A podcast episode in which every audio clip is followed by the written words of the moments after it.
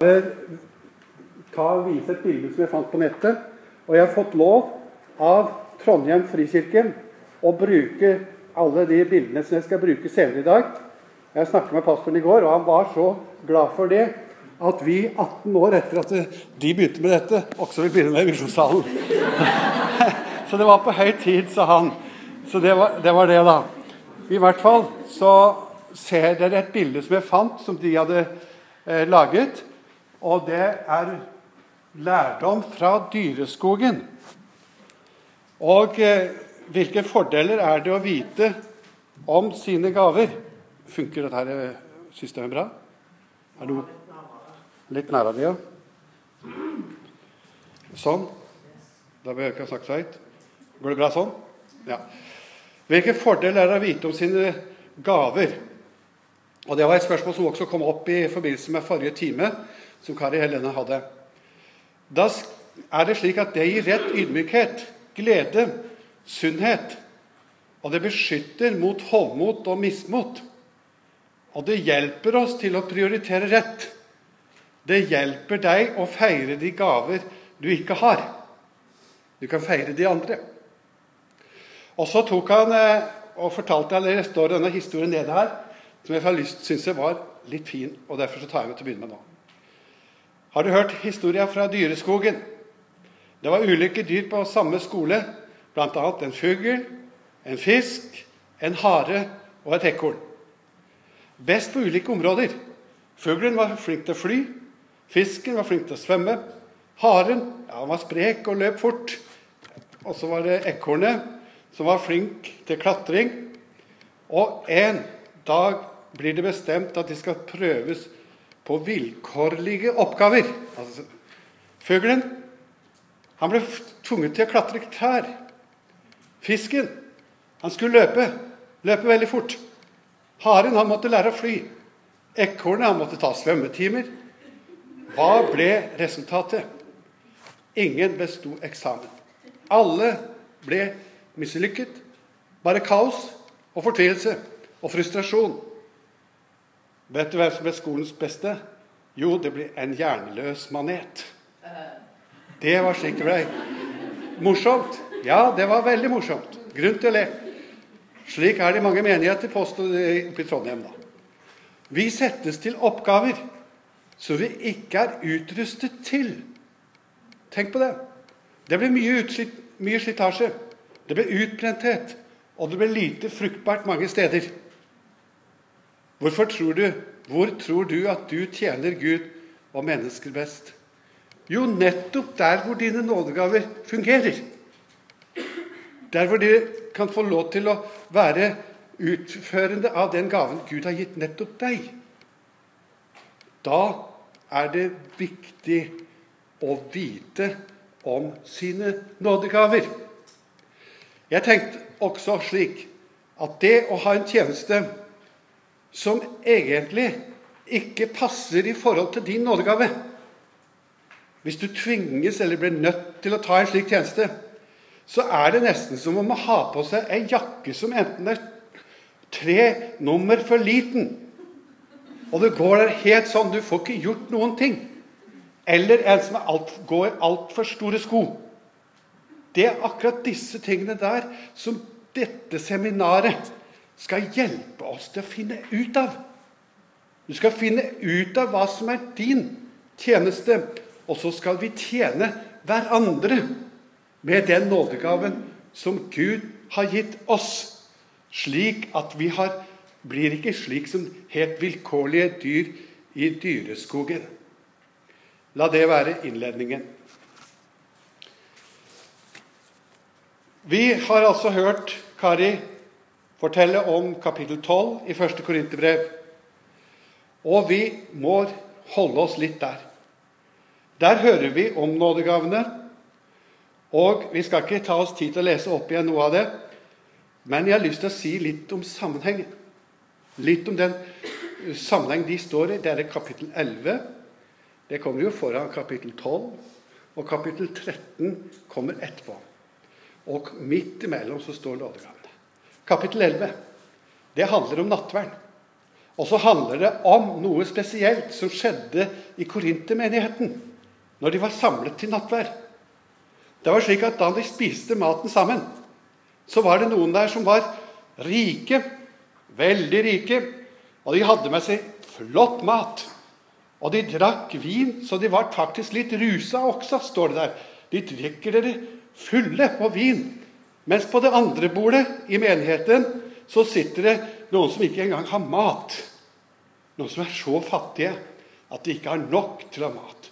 Og så spiser dere dere på en måte veldig feite og fulle av alt, mens de andre i menigheten har ingenting. Og så kommer nådegavekapellet. Hvorfor har Paulus satt det opp slik og redigert på den måten? Jo, han sier at det jeg tror, det er at hvis det er en fundamental urettferdighet i menigheten, så må det ryddes opp i med en gang. Det må tas tak i, slik at det ikke er noen i menigheten som går og ser ned på andre fordi at de har liksom litt mer av ressurser. Enten økonomiske eller som nådegaver. Eller på andre områder. At du liksom ser ned på noen i forsamlingen. Ja, da er det det første som må takkes tak i og ordnes opp i, sier Paulus på en måte her. Og så etterpå, kapittelet etterpå, det er det vakre kjærlighetskapitlet. Kapitlet som forteller om at kjærligheten, den er sterkere enn alt. Og det er det som er det viktigste i alle sammenhenger i menigheten, hvor vi også går. Så de to tingene om å få rydda opp i urettmessige forhold og få på en måte likhet, og det med at kjærligheten skal råde, det er det som rammer om hele dette med tjenesten, med nådegaver. Og derfor så er det så meningsfylt å snakke sammen om tjen hver andre.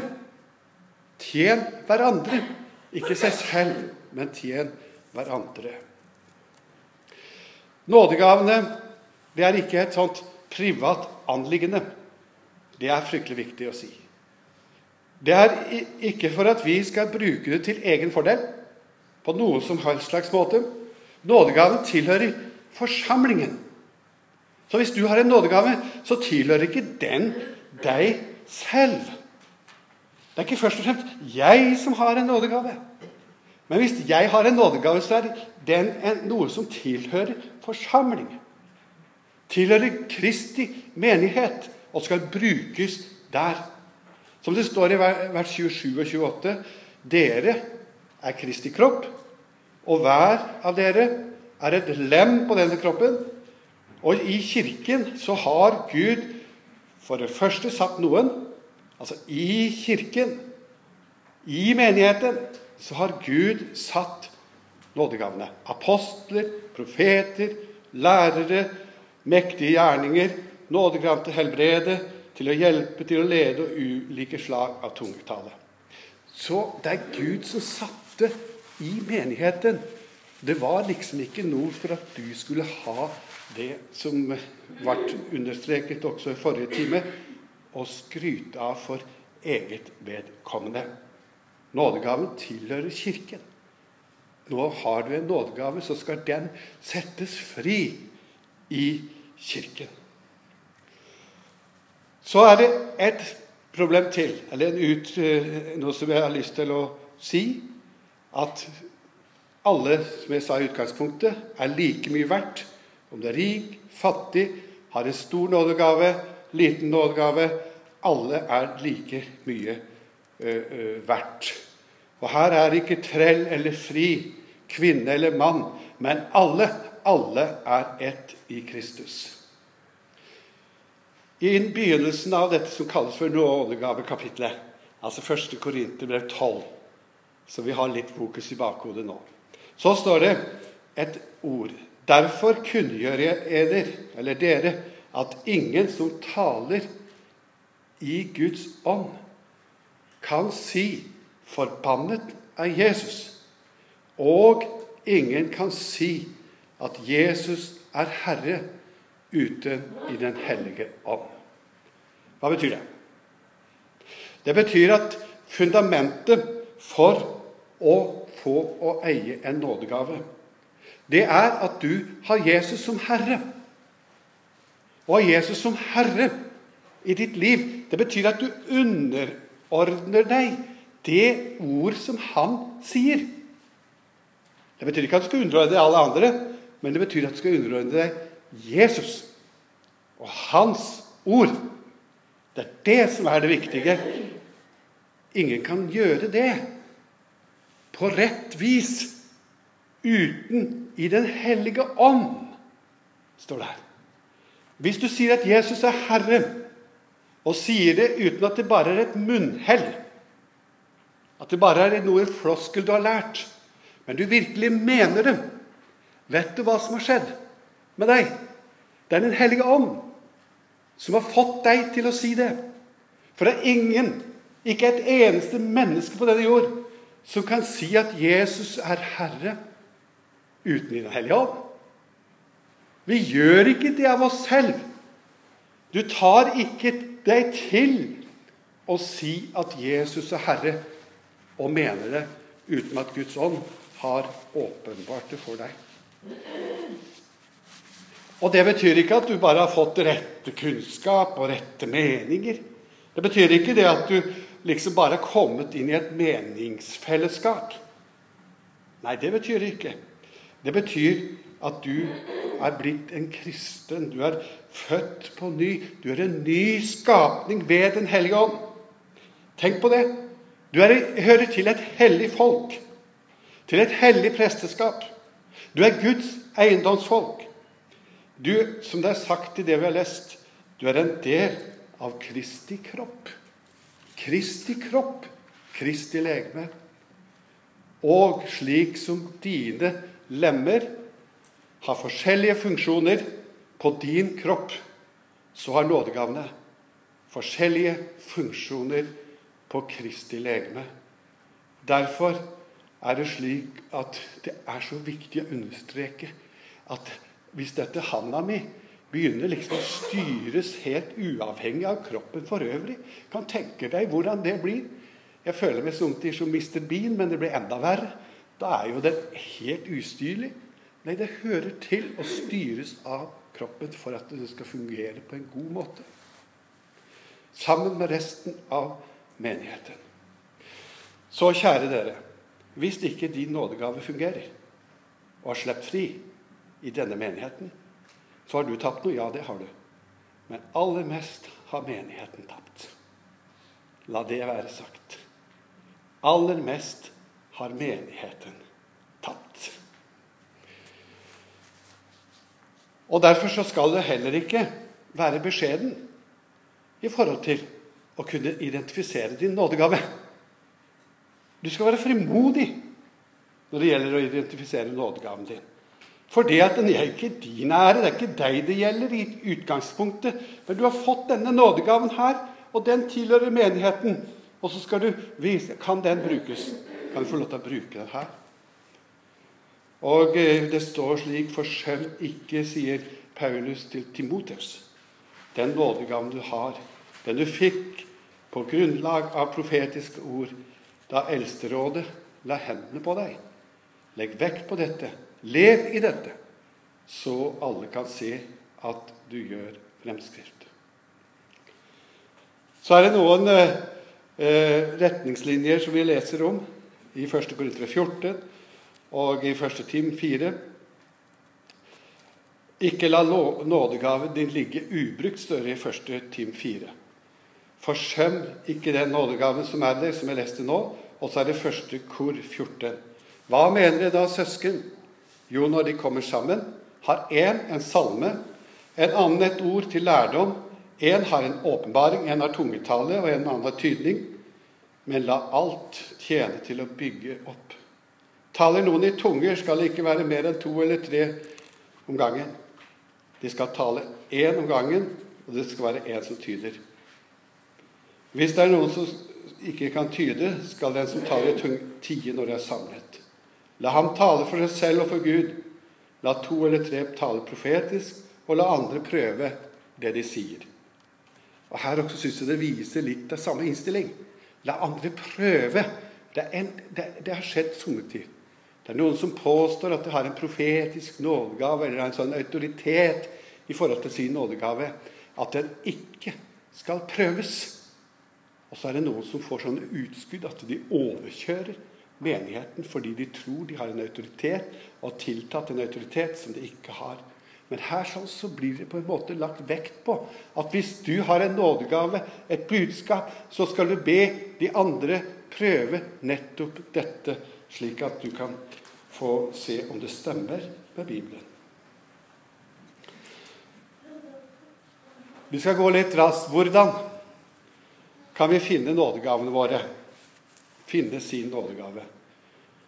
Og Jeg har stjålet det litt fra noen bøker som jeg har lest, så det er ikke så av eget eh, hode, alt dette her. Men det er nesten aldri noe vi sier, så det er nesten alt har vi lest andre steder.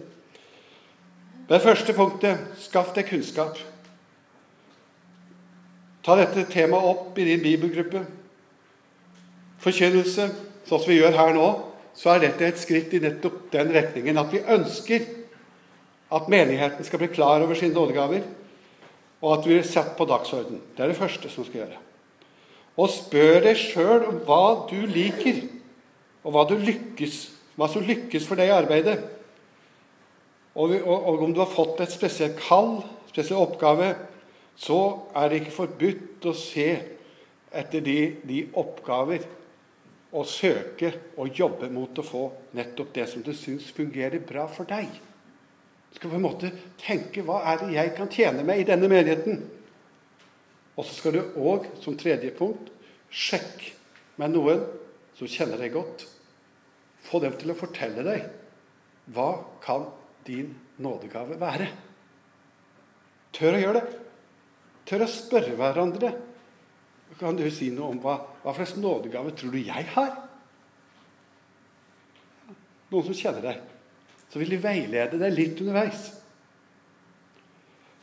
Be, be dem si hva som særpreger deg, og så kan du fremelske nådegavene dine eller sammen med andre, og oppmuntre hverandre til å gjøre den tjenesten som er riktig for deg. Og så må du gå bønnens vei, forbønnens vei. Timoteus fikk en spesiell nådegave som vi leste om ved håndspåleggelse og forbønn. Vi har i vår menighet, i vår kirke, hatt uh, forbønn ved misjonærutvidelser, nei, utsendelser. Og vi har hatt det ved, ved ordinasjon i kirka. Men jeg tror at vi skulle begynne også i større grad å sende, begynne å be for hverandre og ha større frimodighet til å gjøre det. La Guds nådegave, sies det til Timoteus, flamme opp på nytt. Den du fikk der, la hendene på deg. Det er med nådegave som med muskler. Hvis det blir lite brukt, må det på en måte tas i bruk igjen og trenes opp igjen.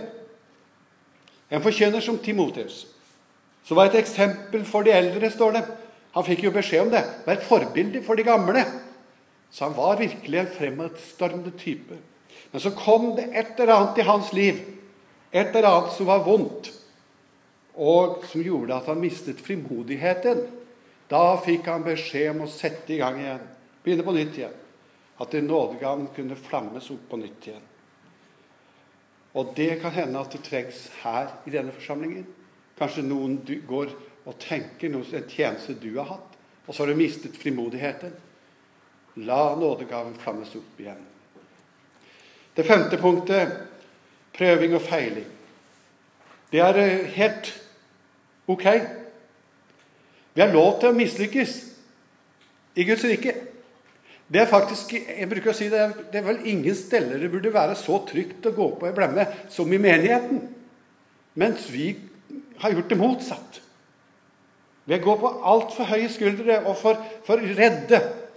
Men i menigheten er nådefellesskap, det. Så hvis jeg kommer og sier kanskje jeg har nådegaven til å gjøre et eller annet, og så viser jeg at jeg ikke har det, ja, da har jeg bare vært villig til å tjene. Da har jeg kommet og sagt Se her, jeg tror at kanskje jeg skal gjøre det eller det eller det. Og så viser jeg at menigheten og, og de andre sier at nei, du, du, er litt på feil vei. Det passer. Vi skal, vi, du kan gå den veien i stedet. Og være villig til å prøve litt, og, og så feile. Det at du feiler i tjenesten, det betyr ikke at du har mistet liv i Gud. Det betyr ikke at du har gått på et sånn voldsomt nederlag. Det er, bare, det er bare positivt.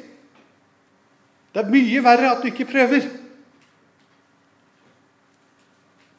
Jeg skulle ønske at eh, Jeg har sett forskjellige sånne Jeg driver med firmaer, da. Så er det somme steder at eh, hvis du går konkurs med ett firma, og, så er det sånn at du, du, tør ikke å se opp i hele ditt liv på ett sted. Så jeg bodde langt oppe i Gudbrandsdalen. Der var det sånn at Hvis far din hadde gått konkurs, så var du mista tilliten på, i mange generasjoner framover. Hvis det hadde vært sånn. Men det var en som prøvde å skape arbeidsplass, så kanskje det gikk konkurs. Dette er overdrivet. Det er satt veldig på spissen, men det står så godt der. Mens på Sunnmøre der hvor det bare er gründere. Der hvor de hadde, hadde firmaer i alle, alle, alle møbelfabrikker på Sykkylven og Ulsteinvik, hadde båt og alt mulig. Om det gikk konkurs der, så tok de naboen og klappa på skuldra og sa 'Vi prøver igjen'. Det var gründere. Og se hvor de har lykkes hen. Se hvor de har lykkes hen. Det er på disse kyststrøkene i Norge som de våget som de turte å gå konkurs, turte å tape noe. turte oss, ja, Nå begynner jeg å preke om noe helt annet enn Leslie Mannsson. Jeg kjenner det på meg at jeg bør ikke gå den veien. Ja, ja, Men poenget er at nådegaven det er litt likt med nådegaven. At om du mislykkes med å ha en tjeneste, så er det ikke så fryktelig farlig. Du behøver ikke å tro at du er null og ingenting for det. Det er verre hvis du sitter på ditt, din hybel eller leilighet og sier 'Jeg tør ikke'. 'Jeg tør ikke, jeg vil ikke', så tar, tar du ikke sjanse. Det er dumt, det. Ja, det er veldig dumt. Og Så har vi et testspørsmål. Det er at han skal herliggjøre meg. For han skal ta det som er mitt, og forkynne det for dere, står i Johan 16, 14. Det var to misjonærer som leste rundt, og de hadde veldig mange historier å fortelle. Etter at de to hadde vært der, sa folk om den ene for en fantastisk misjonær, sa de. Fantastisk flott misjonær. Mens de sa den andre misjonæren. For en fantastisk Jesus hun tjener. Det er poenget. Vi skal herliggjøre Jesus.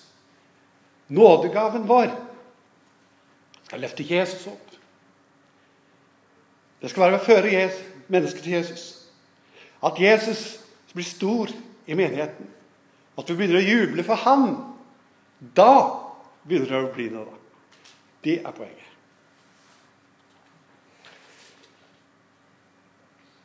Du du, Val, hvor mange klokka? Jeg må rasjonalisere litt. her. 25 minutter igjen. Ja. Da skal vi si naturgaver og nådegaver. To-tre setninger om det. Naturgaver det er noe vi er født med. Våre naturgaver kan vi hellige Herren. Du er flink til et eller annet, og så kan du hellige Herren dette. Men Gud gir nådegaver som går utover våre naturgaver.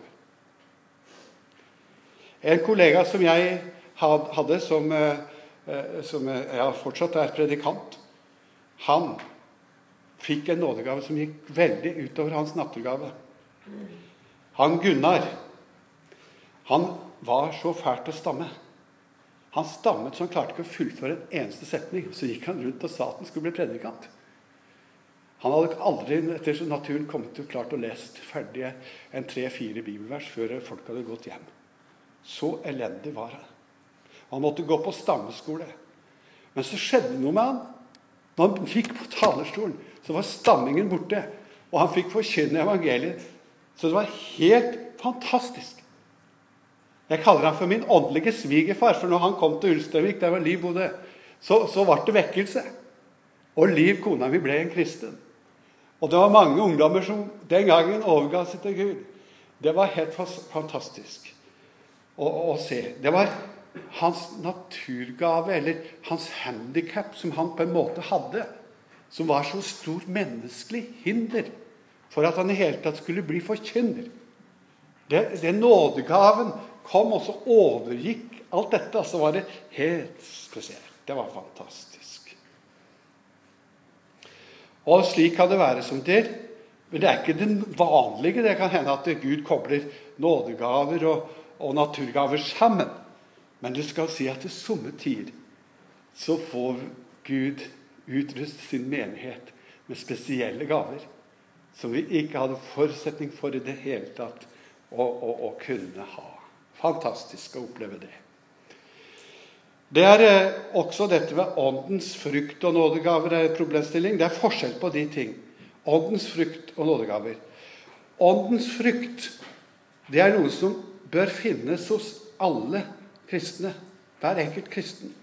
Det skal vokse fram.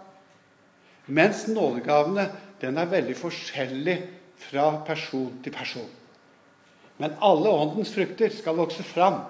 Så det er noe som har med helliggjørelse og vokser i kristenlivet. Og det er noe som på en måte går over alt sammen.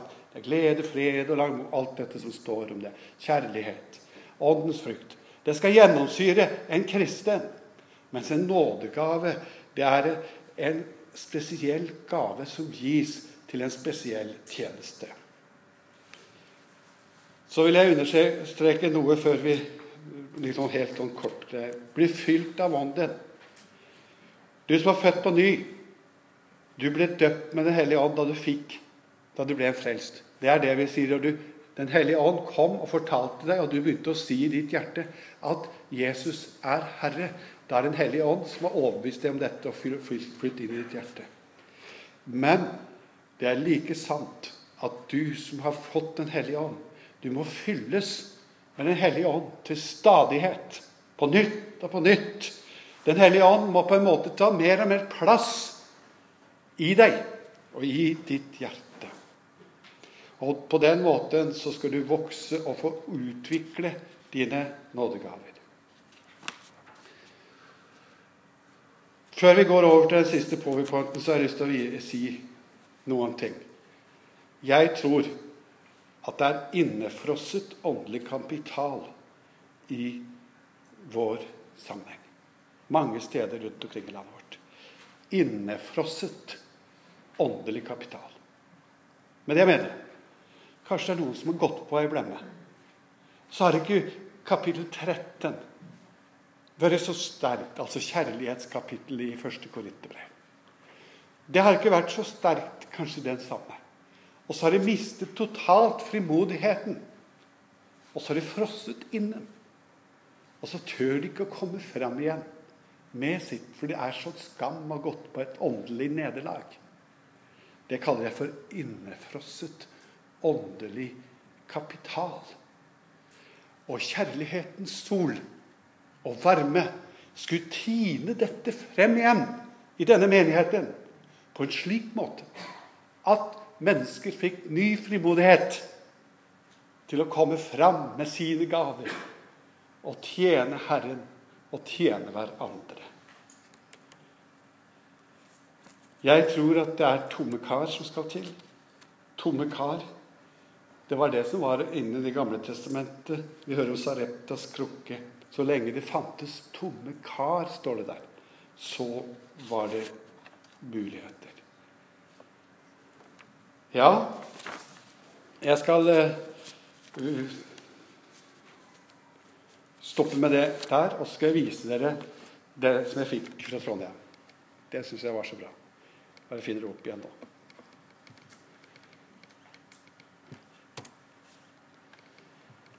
Bytt bruker.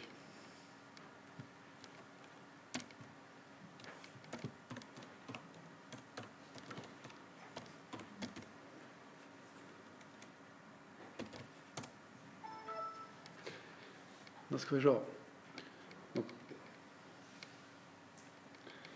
Her ser dere tjen. Vi begynner utrustet av Ånden.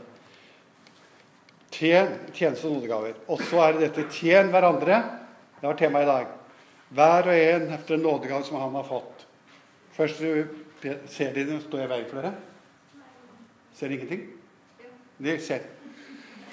Tjen hverandre, hver og en med den nådegaven han har fått, som gode forvaltere osv.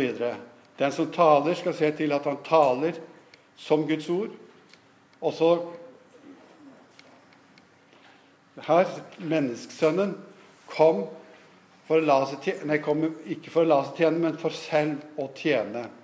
Og gi sitt liv som en løsepenge for alle. Synes det var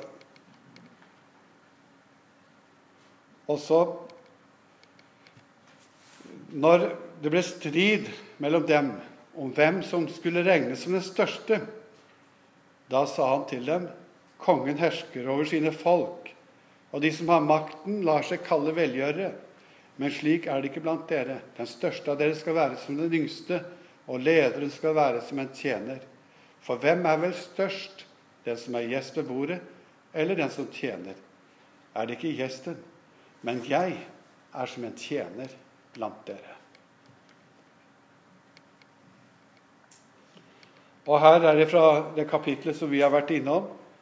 Hver og en hos hver enkelt gir Ånden seg til kjenne det samme ånd som deler ut sine gaver til hver enkelt slik han vil. Og i Romerbrevet 12 står det hver og den som har en tjeneste, skal ta seg av sin tjeneste. Den som lærer, skal undervise, og den som trøster, skal virkelig trøste. Og eh, Tormod Engelsviken, han som kommer i morgen og skal undervise oss videre om dette, han sier uten nådegavene blir ikke Kristus forkynt. Evangeliet blir ikke tatt imot. Og mennesker blir ikke innlemmet i Kirken. Og Kirken selv vokser verken innad eller utad. Ja, den vil opphøre å eksistere av mangel på næring. Hvilken gaver? Den som taler, skal se til at han taler som Guds ord. Og den som tjener, skal gjøre med den styrke Gud gir. Her ser det, det skjelnes litt mellom ordets gaver og tjenestens gaver. Og så er det ordets gaver. Det er profetgaver, evangelistgaver, undervisningsgaver, rettledningsgaver, visdom og bedømme osv. Tungetall og tydning av tunger. Det er slike ting som er ramset opp der. Og så er det se til at hver enkelt taler som Guds ord. Alt det vi gjør, skal være som er etter Bibelen. Og så er det tjenestens gaver. Det heller litt mer over det. Det er hjelpegaven, styringsgaven, diakonigaven, givergaven, barmhjertighetsgaven, trosgaven, helbredelsesgaven og mektige gjerninger. Ting som vi kanskje burde se på. Er det noen av disse gavene som, som du går og bærer på? Som er dine, som ikke får komme fram i menigheten? Og så er det tjen hverandre med den styrke som Gud gir. Og kommer han inn på hvordan finne og bruke disse gavene, da. Se, les og lær. Hva trekkes du imot? Vær åpen og mottagelig. Be og bli bedt for og praktisere. Det er bra? Og til slutt slik skal Gud i ett og alt bli æret ved Jesus Kristus. Han tilhører herligheten, makten og æren i all evighet. Amen. Jeg takker eh, Trondheim frikirke for at jeg fikk denne her til slutt. Og så er det dere som har fått et spørsmål, som jeg hadde til å begynne med. Hvilken nådegave hvilken, som det som Kari stilte i sin tale, som det skrev opp hvilken gave er det som kanskje er en manko i denne, som, er, som trenger å frigjøres i denne forsamling. Og Kan dere begynne å jobbe med det? Og da, Hvor mange minutter har vi nå? 15 minutter. Tar vi og så snakker sammen gruppene. Dere to kan vel godt snakke sammen. Og så tar jeg sånn på hver linje, og så tar jeg siste fem-syv minuttene. Og så, og så hører vi hva det er.